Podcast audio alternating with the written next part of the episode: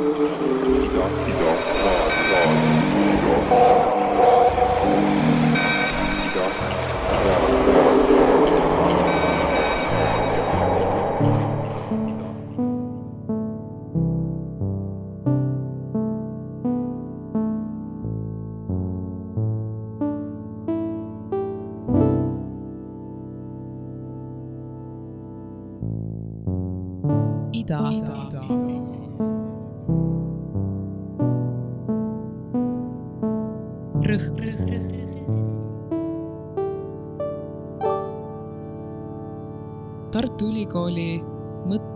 Õppetooli lühiloeng. tere, minu nimi on Kadi Kähr-Peterson. ma olen Tartu Ülikooli doktorant ning Ajaloo- ja Arheoloogia Instituudi üldajaloo nooremteadur. tänases loengus kõnelen Karl Merkelist, poliitilisest mõtlejast ja ajakirjanikust, kes elas kaheksateistkümnendal ja üheksateistkümnendal sajandil ning tegutses Liivimaal, see tähendab ühes kolmest Balti provintsist, mis asus tänase Lõuna-Eesti ja Põhja-Läti alal ja ta tegutses ka Saksamaal. tuhande seitsmesaja üheksakümne seitsmendal aastal kirjutas Karl Merkel, et Jean-Jacques Rousseau ühiskondlikust lepingust on teos, mida kõik mainivad, aga mitte keegi ei tunne. veidi enam kui kakssada aastat hiljem võiks Eestis Merkeli teoste ja neis leiduvate ideede kohta öelda vastupidi. kõik tunnevad Merkeli ideid, aga mitte keegi ei maini tema nime. Selles tõdemuses on muidugi tubli annus liialdamist. ta on üks Balti valgustuse keskseid kujusid. Eesti, Läti või Balti ajaloo üldkäsitlustes mainitakse ta enamasti ikka ära. ka ajalooõpikud ei saa ilma temata läbi. tema tekste on lähemalt uurinud ja neist väga häid käsitlusi kirjutanud väga mitmed teadlased. ajaloo või kirjandusteaduse teemalistes trükistes on Merkel valgustuse kaanestaar. Tõepoolest, ma olen kohanud teadusartiklite kogumikku, kus on Merkelist ainult riivamisi juttu, aga mille kaanel on kesksel kohal tema pilt. samas pole meil, erinevalt lätlastest, Merkeli mälestusmärke, tema nimelisi tänavaid või tema pildiga postmarki. Eesti keeles on isegi tema teoste tõlkeid imevähe ja needki rohkem kui sada aastat vanad. kuid sellest hoolimata on tema ideed vorminud meie rahvuslikku ajaloo käsitlust, näiteks müüti kuldsest esiajast, millele järgnes mitmesaja aasta pikkune pime orjaöö ja sellele omakorda vabaduse koit. tema mõtted on andnud inspiratsiooni romaanideks, luuletusteks ja lauludeks. Need kajavad nii kõnedes kui manifestides, kuid tihtipeale on need kaotanud sideme oma inspiratsiooni algallikaga. eestlased on Merkeli mõtted nii hästi omaks võtnud, nii sügavalt enda omaks mõelnud ja kirjutanud, et tema nime mainimine ei ole enam vajalik. kuid on paratamatu, et mõtted ja mõisted muunduvad ja teisenevad, kui need kõnetavad järgmisi mõtlejaid uutes oludes. seega on tegelikult ka väites, et kõik me siin tunneme Merkeli ideid paras annus õhku sees. Merkel oli kirglik ja sõnaosav autor, kes sekkus alailma kõiksugu debattidesse. Võiks isegi öelda, et ta jooksis tormiliselt oma meelt kirjasõnas avaldama. esimene võitlus, millesse ta viskus, oli pärisorjuse kaotamine. tema avapauk pärisorjuse teemalises arutelus oli tuhande seitsmesaja üheksakümne kuuendal aastal avaldatud raamatuke pealkirjaga Lätlased eeskätt Liivimaal filosoofilise aastasõja lõpus. ning kuigi ta keskendus lätlastele, oli see kõik laias laastus ka eestlastest kirjutatud. oli ju Balti provintsides toona kehtinud kord see, mis hoidis ühtviisi pärisorjuses nii eesti kui lätikeelseid talupoegi. see on üks neist teostest, millega Merkel astus mitte ainult Balti aadli ajalooliste privileegide vastu, vaid vaidlustas üldisemalt sakslaste kui siinse regiooni kultuuritoojate ja tsiviliseerijate rolli see on miski, mille pärast ei suuda mõned baltisakslased isegi paarsada aastat hiljem Merkeli osas mitte ühtegi lahket sõna öelda. ning samas on Merkeli võitlus pärisorjuse vastu see, millega ta teenis eestlaste ja lätlaste silmis välja võimsa au paista. kuid Merkeli ellu mahtus veel muudki. ta kritiseeris Goethet ja teenis sellega välja kahtlase reputatsiooni saksa kirjandusteaduses. vahe ta sulega või tegelikult oleks täpsem öelda kiire trükipressiga astus Merkel vastu Napoleonile, kutsudes esmalt Berliinis üles kõiki sakslasi ning seejärel Balti provintsides kõiki Vene impeeriumi alamaid ühiselt ohule vastu astuma ning seepärast kohtab veel tänini Vene historiograafias tema suunas tehtud kiiduavaldusi. teda võib käsitleda innovaatilise, ajakirjandusse uue ja kõrgema taseme toonud ajakirjanikuna nii Saksamaa, Balti provintside kui ka Venemaa vaates. valgustusaja intellektuaalile kohaselt ei piiranud teda erialased piirid, mida täna tihti endale seame. tema avatust erinevatele teemadele näitlikustab hästi lõiguke Merkeli memuaaride algusest, mis ilmusid tema seitsmekümnenda sünnipäeva paiku. seal jutustas Merkel sellest, kuidas tema hea sõber, Riia bürgermeister Schwarz oli segaduses ja nõudis temalt vastust. ta küsis, ütle mulle, mis on õigupoolest sinu ala? ning seejärel pakkus Schwarz ise välja rea ameteid. kirjanik, publitsist, ajaloolane, kriitik, poliitik, lisaks veel erinevaid valdkondi statistika, põllumajanduse ja tööstuseni välja muide, see rida, mille Schwarz Merkeli sõnul välja pakkus, pole ka veel sugugi ammendav. aga mida Merkel vastas? ta vastas, et ta on kullassepp ja selgitas. tsiteerin nüüd Merkeli mälestusi. kullassepp on oma kunsti mitmekülgne meister. vaat, seda kunsti olen ma ka omal alal kirjutamises püüelnud. Öelda kõigis toonides ja igas vormis seda, mida tõeseks, õiglaseks ja kasulikuks peetakse mis tundub just sel silmapilgul kõige veenvam, mõjusam ja võidukam. püüd oma tekstidega midagi kasulikku korda saata, võidelda õigluse ja tõe eest, mõjutada arenguid talle sobivas suunas on Merkeli tekstides läbiv. teda saatis kogu elu suur usk kirjasõna jõusse või nagu ta kord ise kirjutas, kes on võtnud vaevaks toimetaja, see tähendab siis Merkeli enda, kirjanduslikku käiku jälgida, leiab, et ta ei võta ette mitte midagi, mille kasulikkus ta vaimule täiesti klaar pole. siis aga ei juhi ükski etteheide teda kõrvale selle teostumise üritamisest. tsitaat lõpeb. kuna tema mõtted siiani kõlapinda omavad, võiks vist öelda, et äh, tal läks korda mõjusalt kirjutada. kuid kas see, mida Merkeli tekstid on hiljem inspireerinud, on ikka see, mida Merkel ise mõtles? doktorantuuri astuma kannustas mind kahtlus, et see pole päris lõpuni nõnda mulle tundus põnev minna kõigi hilisemate kihistuste ja arvamuste taha, Merkeli enda mõteteni, lugeda tema tekste, et teada saada, mida tema tegi, mida tema ühest või teisest asjast arvas. sellest, mida ma sel teekonnal olen avastanud, räägingi tänases loengus. millest siis täpsemalt? esmalt saagem lühidalt tuttavaks tema elukäiguga ja riivamisi proovin kaardistada ka seda, mida, kuidas ja keda ta on mõjutanud seejärel räägin kahest teemast, millest olen oma doktoritöö raames mõtisklenud. esiteks sellest, kuidas Merkel üritas lätlaste ja eestlaste õiguste eest seistes kõigile Balti provintside elanikele ideaalset riiki luua ning teiseks sellest, kas kaheksateistkümnenda sajandi viimastel aastatel südikalt lätlaste ja eestlaste õiguse eest, õiguste eest seisnud Merkel pooldas tõesti mõne aastakümne jagu hiljem eestlaste-lätlaste saksastumist või mitte Karlib Helvig Merkel sündis tuhande seitsmesaja kuuekümne üheksandal aastal Liivimaal, tänases Põhja-Lätis Leedurga, saksa keeles Lodigeri pastoraadis. tema isa Daniel Merkel oli seal pastor. nii Karlib Merkeli isa kui ka ema Gertrud Elizabeth, neiupõlve nimega Brockhausen, olid sündinud Liivimaal. seega oli tegu juba mitmendat põlve kohalikuga, kes Balti oludega juba maast madalast tuttav. Merkel õppis Riia toomkoolis aga see jäi pärast isa surma perekonna rahaliste raskuste tõttu pooleli. järgnevatel aastatel luges Merkel oma isast maha jäänud raamatuid, ta isal oli märkimisväärne raamatukogu, ja siis tegutses ta ametniku ja koduõpetajana kahes mõisas. sõbrustas Riias Propheten klubi liikmetega, see oli selline noorte haritlaste sõpruskond, kuhu kuulusid nii kohalikud sakslased kui siis äh, Baltikumi äsja rännanud haritlased.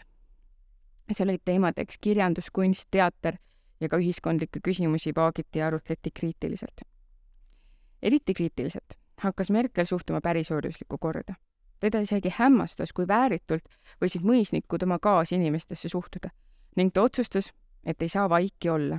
tuleb kirjutada pärisooduse vastane teos, millega ta, nagu ta ise selle raamatu sissejuhatuses ütles, tõi patriootliku eneseohvri. muide, kriitilisemad arvustajad ütlevad, et see polnud mingi ohver, vaid sissepääsupilet Euroopa intellektuaalide ringi. kas rohkem või vähem, see või teine jäägu igaühe enda otsustada. igatahes, plaani täideviimine tähendas kodumaalt pagemist.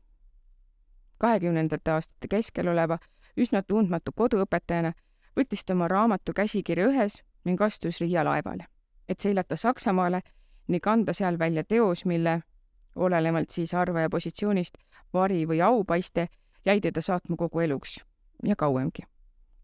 raamat ilmuski tuhande seitsmesaja üheksakümne kuuenda aasta hilissuvel Saksamaal Leipzigis.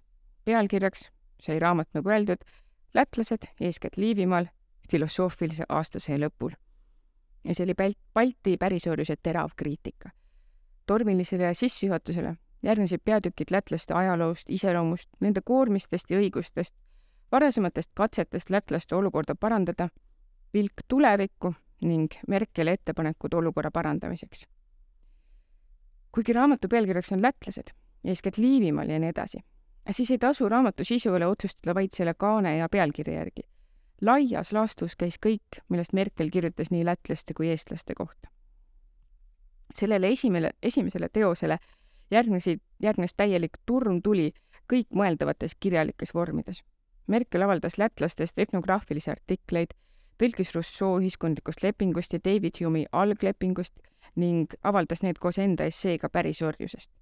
ta avaldas anonüümselt, nagu ta ise seda nimetas, poolromaani tagasipöördumine Isamaale ja proosapoeemi Vanem imanta. ja nagu Liina Lukas on öelnud, siis esimesega pani ta aluse Balti sotsiaalromaanile või Balti ajaromaanile teisega võiks teda pidada ka Balti ajaloojutustuse traditsiooni rajajaks.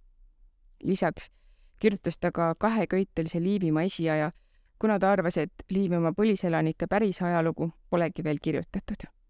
ta ise kahtles, kas see teos annab üldse ajalooalase teose mõõtme välja ja tänapäevaste standardite järgi tõesti ei anna ning ka juba toona leidus seal hulga kriitikuid.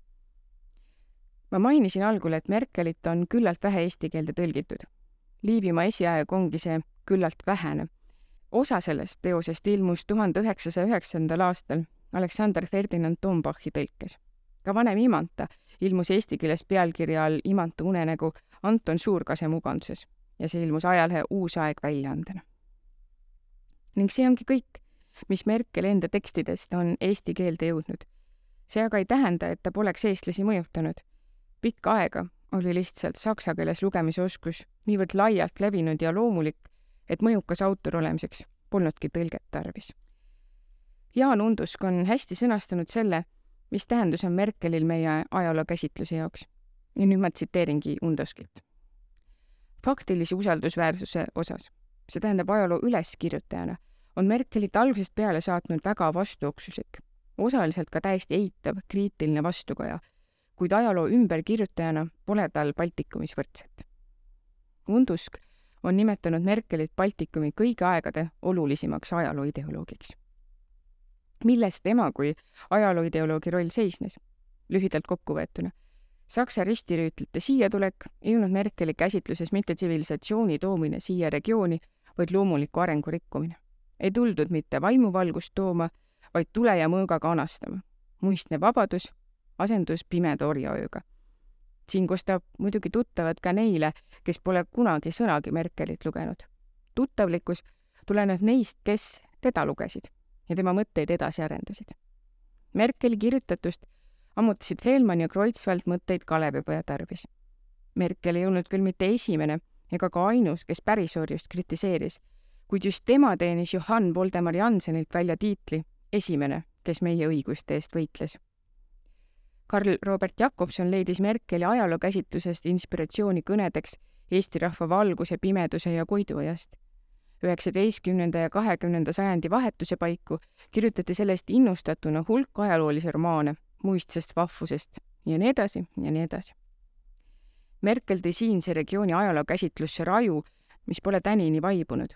küsimused nagu kas ristirüüdlite tulek röövis meie vabaduse või sidus meid Euroopa kultuuriruumi või kas tegu oli Kirde-Euroopa ristisõja või muistse vabadusvõitlusega, tekitavad tänini kibedat vastasseisu.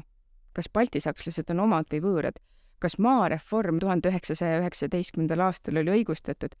milles seisneb meie talupojatarkus ja orjamentaliteet? kas te hinnas kummulihmu meeletaid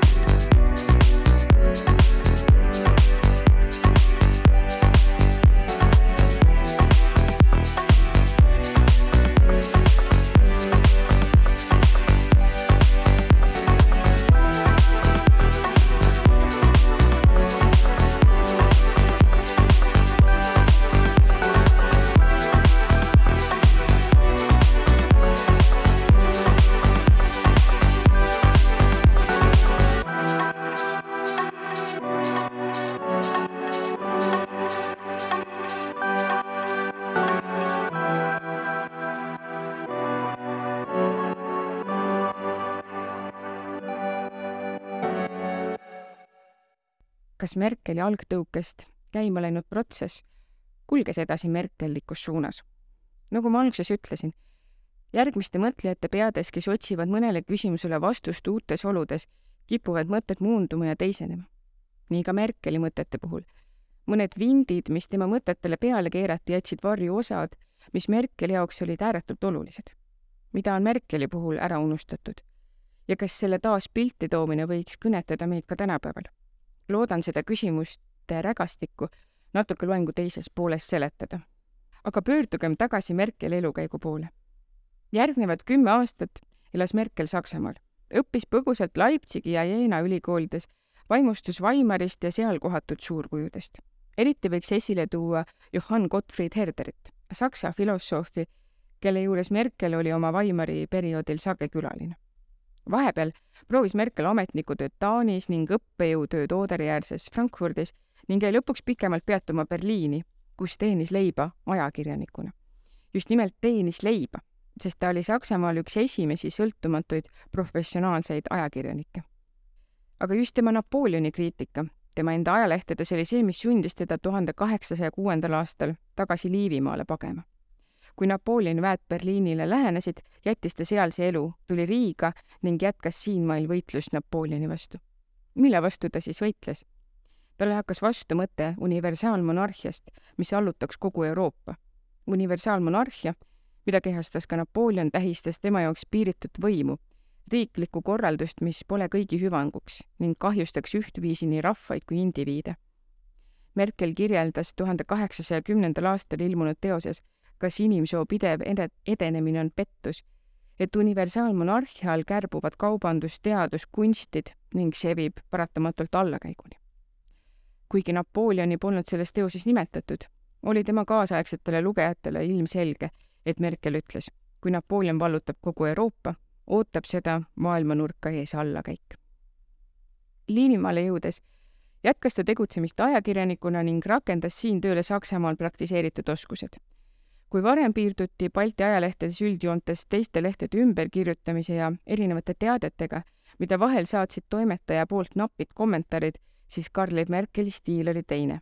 Merkel ise on oma mälestustes hiljem kirjutanud, kuidas tema ajaleht Zuschauer, eesti keeles vaataja, erines teistest siinse kandi lehtedest Merkel luges läbi circa kolmkümmend ajalehte ja avaldas oma, oma sõnade ja märkustega neist olulisima oma lehes. Tänu sellele pakkus see huvi mitte vaid lähemas ringis, vaid seda loeti ka mitmel pool Venemaal ja Rootsiski. mitmetest tema toimetatud väljaannetest pidas ta kõige olulisemaks lehte nimega Provintsiaalplatt für Kurliiv und Estland, tõlkes siis Kuraliivi ja Eestimaa provintsileht ehk leht, mis oli mõeldud kõigi kolme Balti provintsi lugejatele tol hetkel oli siinne regioon teatavasti jagatud kolmeks. tänases Põhja-Eestis oli Eestimaa provints, tänases Lõuna-Eestis ja Põhja-Lätis Liivimaa ja selle all Kuramaa. kõigi nende provintside saksakeelsetele lugejatele Merkel oma väljaande adresseeriski. see leht, mille õigupoolest asutas Liivimaa ülemsuperintendent Karl Gottlob Sontag, kes seda ka oma surmani toimetas, oli üks esimesi ajalehti, mis oli suunatud kõigi kolme provintsi lugejatele sidudes nõnda ühte, vähemalt lehelugejateni, muidu eraldi hoidvad provintsid. Liivimaale jõudes ostis pärisööruse kriitik Merkel endale ka oma mõisa, Tepkini mõisa, saksa keeles Tepkinshof, mida Merkel vahel ka Merkelshofiks kutsus. kuigi sel ajal, kui ta mõisa ostis, kehtis veel pärisöörjus, pidas Merkel oma mõisa vaid päevatöölistega ja kirjutas sellest ka ülevaate, mis sai keiserliku Vaba Ökonoomilise Seltsi poolt Peterburis auhinnatud. nõnda võikski öelda, et Merkel jagas oma elu teise poole kirjamehe ja mõisniku tegevuse vahel, tegeledes nii tõepoolest väga erinevate teemadega. muuhulgas, nagu me loengu teises pooles kuuleme, andis ta hoogu lätlaste ja eestlaste saksa keele õppele ning kogus mõtteid oma maailma ajaloo väljaandmiseks. Merkel elas elu lõpuni oma perega Tepkinshofis, kus ta tuhande kaheksasaja viiekümnendal aastal suri ta on maetud lähedal asuvale Katla Kalnsi kalmistule, kuhu püstitati talle tuhande kaheksasaja kuuekümne üheksandal aastal mälestuskivi. sel aastal möödus sada aastat Merkeli sünnist ja viiskümmend aastat pärisöörise kaotamisest Liivimaal. eestlased pidasid Tartus Vanemuise seltsis eestvedamisel esimest Eesti üldlaulupidu, lätlased asetasid Riia Läti seltsi eestvedamisel Merkeli hauale mälestuskivi Merkeli hauale püstitatud mälestuskivil on kirjas, et see on mälestuseks tänulikelt lätlastelt. ta oli tõepoolest esimene, kes niivõrd jõuliselt kritiseeris pärisöörjust, mitte vaid sotsiaalmajanduslikest aspektidest lähtuvalt, vaid pidas seda kuriteoks, et pärisöörjuses on sunnitud manduma ka Eesti ja Läti kultuur ja kiduma rahvuslik eneseteostus. siinkohal oleks ehk paslik lugeda ette üks stiilinäide sellest, kuidas ta seda kriitikat tegi kuulakem siis, kuidas ta kirjutas oma teoses Lätlased eeskätt Liivimaal. Neist vähestest jälgedest, mida võib vanadest lauludest ja kroonikatest kokku leida, ilmneb, et need rahvad seisid täpselt piiripunktis, millelt nad oleksid saanud astuda kõrgema kultuuri teele niipea, kui mõni teine rahvas oleks neile sõbralikul läbikäimisel oma käe ulatanud. nüüdseks hiilgaksid nad ehk Euroopa elanike hulgas Neil oleks juba olemas oma kantid, Voltaire'id ja Wielandid ja nad mängiksid teaduste nagu ka poliitika vallas tähtsat rolli, kui neil oleks lastud omaenda viisil areneda. aga nende kurb liisk langes teisiti. Nende karakter pidi saama moonutatud, nende vaim maha tallatud, nende õied igaveseks puruks rebitud. Nad ei lakanud küll olemast omaette natsioonid, aga tänaseni muutumatuks jäänud seaduste läbi alamatesse klassidesse surutuna on nad aastasadade jooksul olnud järk-järgult kuni puduloiuseks olemise piirini alla rõhutud. kuulatagu Liivimaa kurba ajalugu ja kurvastatagu inimsuse saatuse pärast selles. tsitaadi lõpp. Küllap on kõigil, kes peavad tähtsaks eestlust ja lätlust, aga ka pärisoojuse kaotamist ja inimväärikust põhjust Merkeli poole tõepoolest tänulikult vaadata. kuid tänases ettekandes tahaksime keskenduda hoopis ühele küljele, mis on Merkeli mõtetele vinte peale keerates peitu läinud. tahan rääkida sellest, kuidas Merkel argumenteeris mitte vaid lätlastele ja eestlastele, vaid kõigile Balti provintside elanikele ideaalse riigi loomise poolt. veelgi enam, sarnaselt mitmetele eelnevatele pärisoojuse kriitikutele nägi ta eraldi vaeva, et argumenteerida, kuidas tema visioon pärisoojuse kaotamisest ühendaks kõigi elanike, kõigi sotsiaalsete gruppide huvid Merkel läks otsima ideaalset riiki ning leidis selle Jean-Jacques Rousseau kirjutistest. Rousseau kujutelm ideaalriigist keskendus Merkeli interpretatsiooni järgi kodanikuõigustele ja vabadusele ning kujutas kõige toimekamat, kõige õnnelikumat elu. Merkel mõtles Rousseau ühiskondlikule lepingule ning lõi sellest inspireerudes kontseptsiooni alglepingust, mis pidavat olema iga riikliku põhikorra aluseks. Merkeli algleping polnud dokument, millele võiks paberi peal allkirja panna. mõnevõrra keerukas on selle kohta öelda isegi, et see on kokkulepe, sest Merkeli arvates nõustutakse sellega vaikimisi ja ta võrdles seda loodusseadustega, mis kehtivad isegi siis, kui inimene neid ei teadvusta. Alglepingu sisuks oli kõigi inimeste loomupärane vabadus ja võrdsus ning õigus heaolule ja võimalus eneseteostuseks. Merkel rõhutas Liivimaa mõisnike poole pöördudes, et ebaõiglaselt pärisorjastatud inimeste puhul on tegu nende kaasinimeste, nende kaaskodanikega, isegi nende vendadega, nagu ta ütles, kel on täpselt samad õigused heaolule ja õnnele. Rousseau kirjutisi lugedes ja seda enda ümber toimuvaga võrreldes jõudis Merkel järeldusele. Balti provintsides valitsev olukord on Rousseau maalitud võib-olla mitte kunagi täielikult tõeks saava pildi täielik vastand. selle põhjuseks oli teadagi pärisorjus kuidas saab rääkida võrdsusest, vabadusest või õnnest, kui üks inimene on tehtud teise omandiks? Merkeli jaoks seisid pärisorjus ja riiklus lepitamatus vastuolus ja siinjuures ei pidanud Merkel silmas mitte riigi ideaalset vormi, vaid riiklust üleüldse. riigi ja pärisorjuse ühendamatuse põhjuseks oli just ühishüve puudumine. Merkel toonitas mitmel korral, ilma ühishüveta riiki ei eksisteeri, sest nagu ta kirjutas, sest kord, millega miljonid, mõnede sadade või tuhandete omakasule ohverdatakse, ei saa ometi olla ühendus kõigi hüvanguks. kuid mingi põhimõtte olemasolu ei tähenda veel, et seda järgitakse ning see sundis Merkelit edasi mõtisklema. miks peaks Balti aadlit huvitama ühishüve ja õiguste jagamine, kui nende erahüve ja õigused on niivõrd laiad? kuidas leida tee ideaalriigini või vähemalt asuda teele selle võib-olla mitte kunagi täituva eesmärgi suunas? Merkel arvas, et ideaalile jõutakse lähemale üksteisele järgnevate revolutsioonidega. tema tuhande seitsmesaja üheksakümne kuuendal aastal ilmunud raamatus kordus pidevalt hoiatusrevolutsiooni ees. Merkeli maalitud pildid kõdulosside varisemisest ja ajavoolu uhtumisest, tormidest ja tulekahjudest võisid mõjuda küllalt ärevust tekitavalt. lisaks revolutsioonidele kirjutas Merkel oma tuleviku vaates ka vaheldumisest ja taastulekust.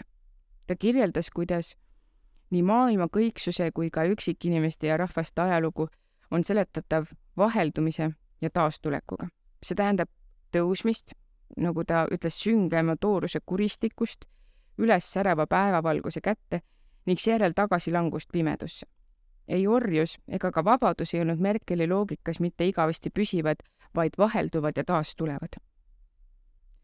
siin põimis Merkel kokku Rousseau ja Herderi mõtted Rousseau'lt võttis ta mõtte, et osavõtlikkust teiste muredesse on võimalik äratada vaid siis, kui tuntakse, et see mure võib ühel päeval olla ka mõtleja enda mure.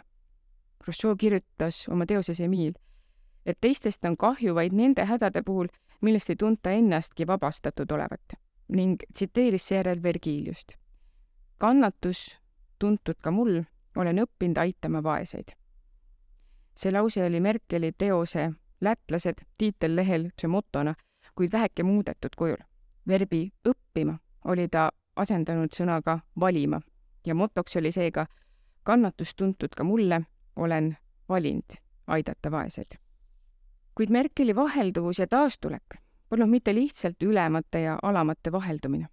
just samu sõnu, vahelduvus ja taastulek või saksa keeles Wechsel ja Wiederkehr kasutas Herder oma Johann Gottfried Herder oma revolutsiooni kriitilises essees Tithon und Aurora. Herder tõi välja mõiste revolutsioon vanema, astronoomilise tähenduse. revolutsioon lõi vaheldumisega maailmas pidevalt korda. näiteks vaheldusid päev ja öö, tänu millele said elusolendid korrastada puhkuse ja töörütmi või siis aastaaegade vaheldumine tõi korra taimede arengusse. kui soovida iseloomustada sama kulgu maistes asjades, siis avaldub see taastulekus ehk tarkuse, korra ja headuse mõjus toimuvas edenemises, mis tuleb taas loomupärasuse juurde. Prantsuse revolutsiooni kulgu jälgides mõistis Herder sügavalt hukka revolutsioonide moepärase definitsiooni, mis tähendab lihtsalt alamate saamist ülemaks. see kaotas tema arvates revolutsioonide sihi ja eesmärgi. arengut ei toimunud ja riik oli pärast revolutsiooni samasugune kui varem nagu ta ütles, metsikute elevantide hävitustöö asemel pidas Herder paremaks evolutsiooni, kus areng toimuks märkamatult ja pidevalt, kuigi mõningatel perioodidel aktiivsemalt. Merkelgi arvas samamoodi, et revolutsioonidel peab olema siht ning selle sihini on piisava tarkuse kõrval võimalik jõuda ka rahumeelselt. iga rahvas oli Merkeli arvates määratud läbi tegema kolm ülestõusu. ühega kukutatakse türann teises revolutsioonis läheb rõhutud ühiskonnakiht oma rõhujate vastu, see tähendab üks rahvas teise osa rahva vastu. selle tulemusel tekib ühiskond, kus erinevate ühiskonnagruppide huvid on omavahel paremini tasakaalus ning see hakkab soosima nende suuremat ühismeelt ning valmistama teed kolmandale revolutsioonile. kolmandas revolutsioonis tõuseb kogu rahvas vigase riigikorra vastu ülesse. selle revolutsiooni tagajärjeks on vabariik, kus erinevatesse seisustesse jagunemine on asendunud kõiki kodanikke ühendava patriotismiga. no mida te arvate, mis seis oli Liivimaal kaheksateistkümnenda sajandi lõpus? Merkel oli veendunud, et küpsemas on teise tüübi revolutsioon, kus ühiskonna rõhutud osa läheb oma rõhujate vastu. kuid Merkel toonitas, selle vastasseisu vägivaldsust on võimalik vältida kui aadelkond tervitaks tulevikku ja annaks vabatahtlikult vabadused, mida neilt hilinemise kõrval nõutaks juba jõuga. nii mõneski riigis, julgustas Merkel, oli teine revolutsioon läbi tehtud märkamatult, rahumeelselt. kui aga õigel ajal ja vabatahtlikult muudatusi ei tehta, siis, hoiatas Merkel, võib revolutsiooni maru märatseda siin isegi aastasadu. kus on siin see, mis on Merkelile vinte peale keerates pilgu alt varju jäänud? Merkeli mõte oli ühiskonda tasakaalustada. kuna pärisorjade või eestlaste ja lätlaste õigused olid niivõrd vähesed, pidi ta oma kirjutises just neile rohkem kaalu andma. kuna ta pani aga ühele poole, ühele poolele nii palju rõhku, ei mõjunud tema töö enam tasakaalustavalt. mõte sellest, et toimuda võiks rahumeelne revolutsioon, mis on tasakaalustavalt kasulik kõigile Balti provintside elanikele, ei olnud konservatiivsemale osale Balti aadlist mitte kuidagi veenev Neile tundus, et Merkel ei otsinud mitte tasakaalu, vaid läks jõuliselt nende privileegide kallale. eestlased, lätlased ja nende poolehoidjad märkisid aga eriti rasvase joonega ära need kohad, kus Merkel idealiseeris muistset vabadust ning sarjas ebavõrdsust ja pärisorjust. mõte tulevikust ärkama pidanud eestlasi, lätlasi ja sakslasi ühendavast isamaatundest jäi kuhugi vintide vahele peitu. kõigi kasu eestkõneleja asemel tõlgendati Merkelit kui ühtede poolt ja teiste vastukirjutajat tasakaalu otsimise asemel loeti Merkelit tihtipeale vaid kas tänu või teotussõnu leides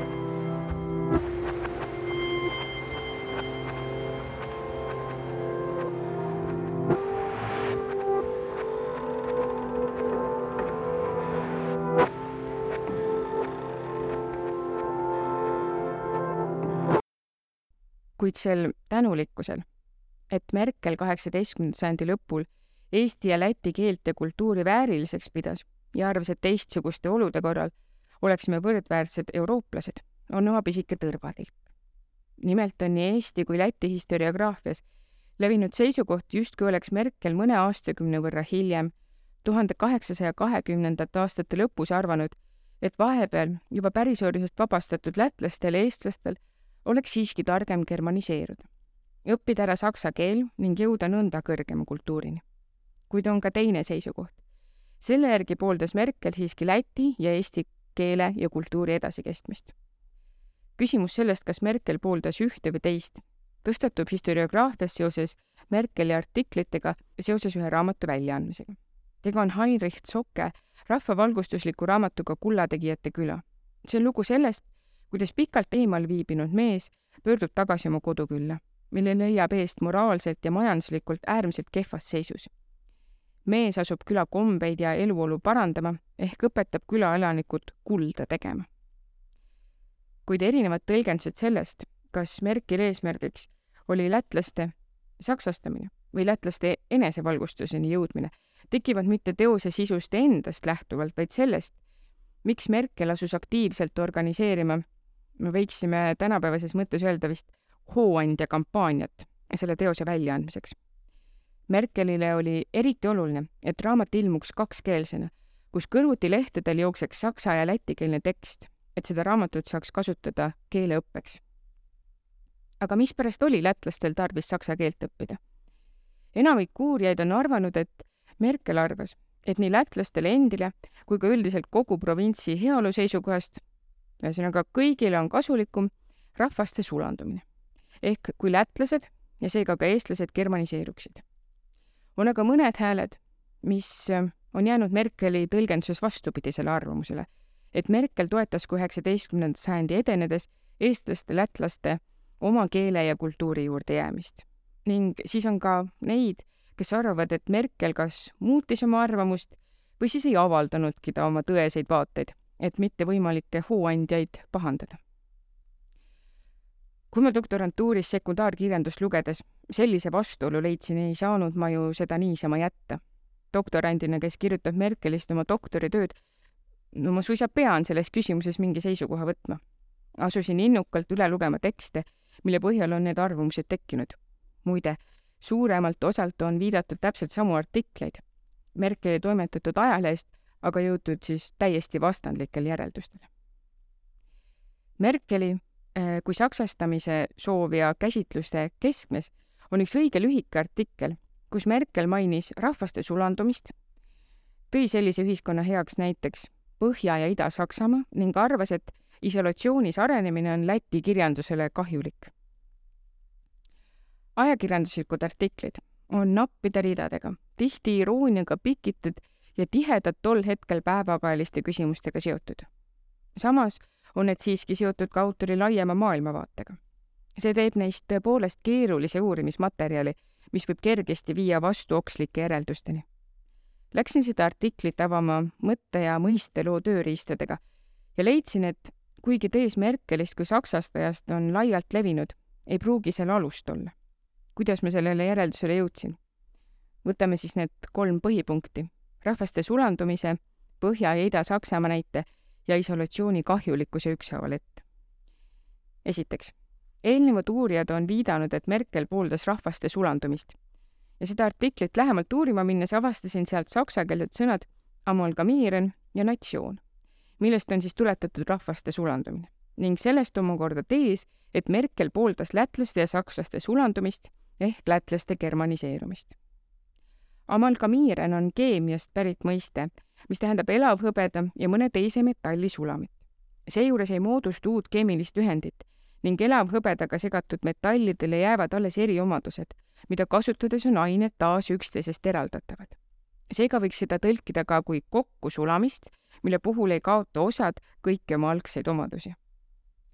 ja teine sõna oli siis natsioon, mis ei tähendanud Merkeli jaoks sugugi ainult etnilist, kultuurilist või keelelist identiteeti, vaid võis viidata hoopis riiklikule või poliitilisele enesemääratlusele. sellele tähenduskihile on Merkeli mõiste kasutuses tähelepanu juhtinud juba Hent Kalmo ja seda teose Lätlased eeskätt Liivimaal põhjal. et Hent Kalmo on näinud sarnasust Merkeli ja Siesi vahel. mõlema kirjutistes viitas natsioon rahvale kui seisluslikke erisusi tühistavale tervikule või kollektiivile, mis koosnes võrdsete õigustega kodanikest, nagu Hent Kalmo kirjutas. seejuures pole Merkeli sõnakasutus ei teoses Lätlased ega ka hilisemates kirjutistes alati väga täpne või ühtseid põhimõtteid järgiv, ehk see sõna võib tegelikult vahel viidata ka etnilis-kultuurilistele kogukondadele. sellest hoolimata võiks aga mõistelooliselt lähenedes rahvaste sulandumisest saada hoopis rahvuste või võiks ka öelda natsioonide kokkusulamine ehk erinevate poliitiliste kogukondade liitumine üheks poliitiliseks kogukonnaks, mille juures ei ole inimtingimata vajalik kõigist keelelistest või kultuurilistest erinevustest loobuda. nojah, ei ole ilmtingimata vajalik, aga, aga võib-olla oleks ikkagi kasulikum, kui mingid keelelis-kultuurilised erinevused ei segaks ühtsustunnet. Läheme teise punkti juurde, millest selles lühikeses artiklis juttu oli arutles rahvuste kokkusulamise üle, tõi Merkel positiivse näite, milleks oli Põhja- ja Ida-Saksamaa, nagu ta ise kirjutas, kus varem erinevatesse natsioonidesse kuulunud seisuste vahel oli pärast ligipääsu saamist Saksa kultuurile kadunud vaenulikkus. ilmselt viitas Merkel siin Poola aladele, mis pärast Poola-Leedu riigi jagamist said osaks Preisimaast. siinjuures tuleb appi võtta mõttelooline perspektiiv. minna tagasi võimalikult täpselt aega, milles autor kirjutas ja jätta kõrvale see, mida me teame hilisemate arengute kohta. Merkel on mujal avaldanud arvamust, et Poola jagamise põhjustas mitte selles osalenud riikide huvid ja jõud, vaid Poola nõrkus, mis tulenes rahvast nõrgestavast pärisorjusest ja seisuste vahelistest lõhedest. Preisimaad hindas Merkel aga kõrgelt arenenud piirkonnaks ning arvas, et need Poola alad, mis ühinesid Preisimaaga, võitsid äh, ühinemisest. kahekümnendate aastate lõpus olid nendel aladel erimeelsused niivõrd mahenenud, et keelelised, sealhulgas erinevate dialektide vahelised erisused ei takistanud koostööd ega emantsipatsiooni. olenevalt piirkonnast võis olla levinud poolastumine või saksastumine. ei olnud kätte jõudnud ka üheksateistkümnenda sajandi keskpaik, kus etnolingvistilise rahvusluse tõusu tagajärjel pingestusid poolakate ja sakslaste omavahelised suhted. ning viimaks märkus isolatsioonis arenemise kahjulikkusele on heaks näiteks, miks selleks, et mõista ühe autori lühikest ajakirjanduslikku arvamusavaldust, on vajalik vaadelda seda laiemast perspektiivist ehk seostada seda tema erinevate kirjutistega, sealhulgas mitte päevakajaliste tekstidega. käesoleva küsimuse juures tuleks näiteks arvestada Merkeli üldisemaid arusaamu sellest, milline on erinevate rahvaste arengutee ja millist rolli rahvad maailma ajaloos kannavad. ja samas tuleb püüda vältida seda, mida mõttelaulased on tihti kritiseerinud. uurijate kalduvust proovida näha autori mõtteavaldusi kui mingit süsteemset ja muutumatut tervikut. paljud eelnevad käsitlused on olnud keskendunud teistele küsimustele ja Merkel on lihtsalt olnud üks mitmetest autoritest. minul on tänu doktoritööle võimalus, aga samas ka kohustus keskenduda Merkelile, et selgitada võimalikult täpselt välja tema positsioon. nii kõrvutasin ma seda, mida Merkel oli kirjutanud tolles artiklis ja teistes Kullategijate küla välja, väljaandmisega seotud artiklites sellega, mida Merkel üldisemalt maailma asjadest arvas. või siis täpsemalt, milline oli tema käsitlus inimsuse ja inimsuu ajaloost, nagu ta ise seda nimetas. ja see teema polnud Merkeli jaoks mingi kõrvalteema, vaid hoopis, nagu ta kirjeldas oma sõpradele, kirjutas, tema lemmikuurimisprojekt lootusrikkalt nimetas ta seda isegi kogu oma vaimse elu tõeliseks viljaks. kuid hoolimata mitmetest katsetest, pühendumisest ja sellest, et tegu oli Merkeli tõelise lemmikteemaga, ei jõudnud ta kunagi plaanitud maailma ajaloo publitseerimiseni. kuid Balti provintside ja selle rahvaste tulevikuperspektiivi hindamine oli siiski seotud tema arusaamaga inimsuse ja inimkonna ajaloost. üks põhipostulaate, mis Merkeli ajaloo käsitlusest läbi käis, oli põhimõte, et rahvastel on arenguks tarvis üksteiselt õppida, seda eriti arengu varajastes etappides. see on ka põhjus, miks Merkel peab isoleerituna arenenud Läti kirjandust problemaatiliseks. ilma impulssideta kõrgemalt arenenud saksa kultuurist on selle kirjanduse areng lihtsalt piiratud. sama mõte kordub ka siis, kui Merkel arutles kakskeelsete raamatute väljaandmise vajalikkuse üle ning leidis sel teemal arutledes, et kõrgema keelekultuuri õppimine on kõige kindlam ja loomulikum tee rahva väljakujunemiseni. lubage, ma proovin jälle ette lugeda ühe lõigukese Merkeli enda sulest. sest tõepoolest, see, mida need inimesed, ta on siis pidanud silmas lätlasi ja eestlasi, see, mida need inimesed ihkavad, on kõige kindlam ja loomulikum tee rahva väljakujunemiseni, mida mööda on käinud kõik natsioonid, kes on oma vaimu harimise teistelt saanud. Et saksa õpetlased soovivad lätlaste keelt teaduslikult korda seada ja neile kirjandust kokku kirjutada, on nähtus, millele ma mitte kusagilt ajaloost paarikut ei leia. oleks kreeklased nii roomlaste, nemad kallide, prantslased sakslaste eest hoolitseda tahtnud või julenud, oleks siis tõepoolest teaduslikult välja kujunenud Rooma, Prantsuse või Saksa natsiooni ja kirjandust. loomulik tee, mida mööda kõik rahvad läksid ja mis on tõepoolest ainus, mis võib viia eesmärgini, on, et nad õpivad ära kõrgemalt välja kujunenud rahvakeele, loevad nende kirjutisi ja kui nad on nii piisavalt teadmisi ja harimist ammutanud ning tunnevad selleks vajadust, oma keelt ja kirjandust ise vormivad ja korraldavad. see on see, mis tuleb meie lätlastele ja eestlastele võimalikuks muuta, kui soov neid harida on tõsine ning kindlam vahend selleks oleks, mida ka Toomas ja Andres sooviksid, Läti ja Eesti raamatud kus on ära trükitud ka saksakeelne originaaltekst. Sellest lõigust ilmneb ka Merkeli järgmine põhimõte.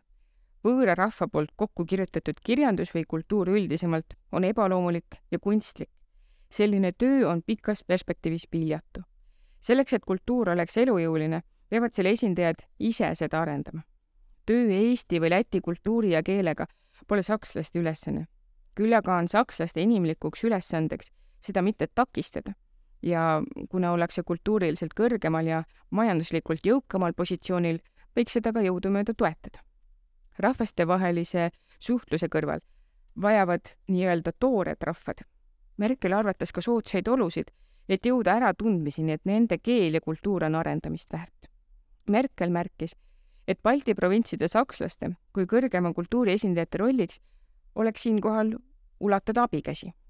tsitaat rahvas, kes oma kombe ja vaimu harimise taset igatsevalt soovib ja püüdleb kõrgemale tõsta, on nii veetlev, nii liigutav nähtus. meie poole tõstab ta paluva käe, kirjutas Merkel. ning sarnast mõtet väljendas ta ka juba oma teoses Lätlased, kui kirjeldas seda, mis oleks olnud Läänemere idakaldale jõudnud tõeline ülesanne. oleks pidanud pakkuma sõbraliku läbikäimise ka käe rahvastele, kes olid täpselt kõrgema kultuuri teele asumise piiripunktis kuid seejuures oleks pidanud laskma neil vabalt ja omal moel areneda. kuigi mitmesaja aasta jooksul oldi hoopis vastupidi toimitud, polnud ka üheksateistkümnendal sajandil selle ülesande juurde pöördumine veel viljatu. Merkel rõõmustas näiteks rohkelt lugejaid leidnud Prekule laenuraamatukogule ja kirjutas. võib näha, et kõikjal, kus selleks leidub vaid ergutust ja leevendust, püüdleb Läti rahva vaim hariduse poole. Merkeli mõte võiks siis vist kokku võtta nii, et raamatukogu loomisel võivad küll teised aidata, aga oma raamatut peaks iga rahvas ise kirjutama. sellega astus Merkel vastu ka rahvavalgustuse põhisuunale. rahva õige valgustamine ei tähendanud tema tõlgenduses mitte paternalistlikult selle rahva eest hoolitsemist, talle hoolikalt lugemisvara valimist, vaid toetust saamaks oskused ise areneda ja oma kultuuri käekäigu üle otsustada. võõrkeele õppimine ei olnud selles protsessis vahend ümberrahvustumiseks, vaid võimalus oma kultuuri rikastada ja selle arengule kaasa aidata. võib-olla on siinne mõttekäik midagi, mis aitab meil paremini mõista mitte ainult Merkeli argumente üheksateistkümnenda sajandi teisel veerandil, vaid pakub mõtteainet ka tänases Eestis. kas vahel kipume liiga kergesti tonti nägema, kui keegi räägib võõrkeelte oskuse olulisusest ja ka nende kasutamisest? või kust üldse jookseb piir omale truuks jäämise ja ennast kahjustava isolatsiooni vahel? või kas keeleliste ja kultuuriliste identiteetide ülene poliitiline ühtekuuluvustunne on võimalik või oli Merkel lihtsalt naiivne?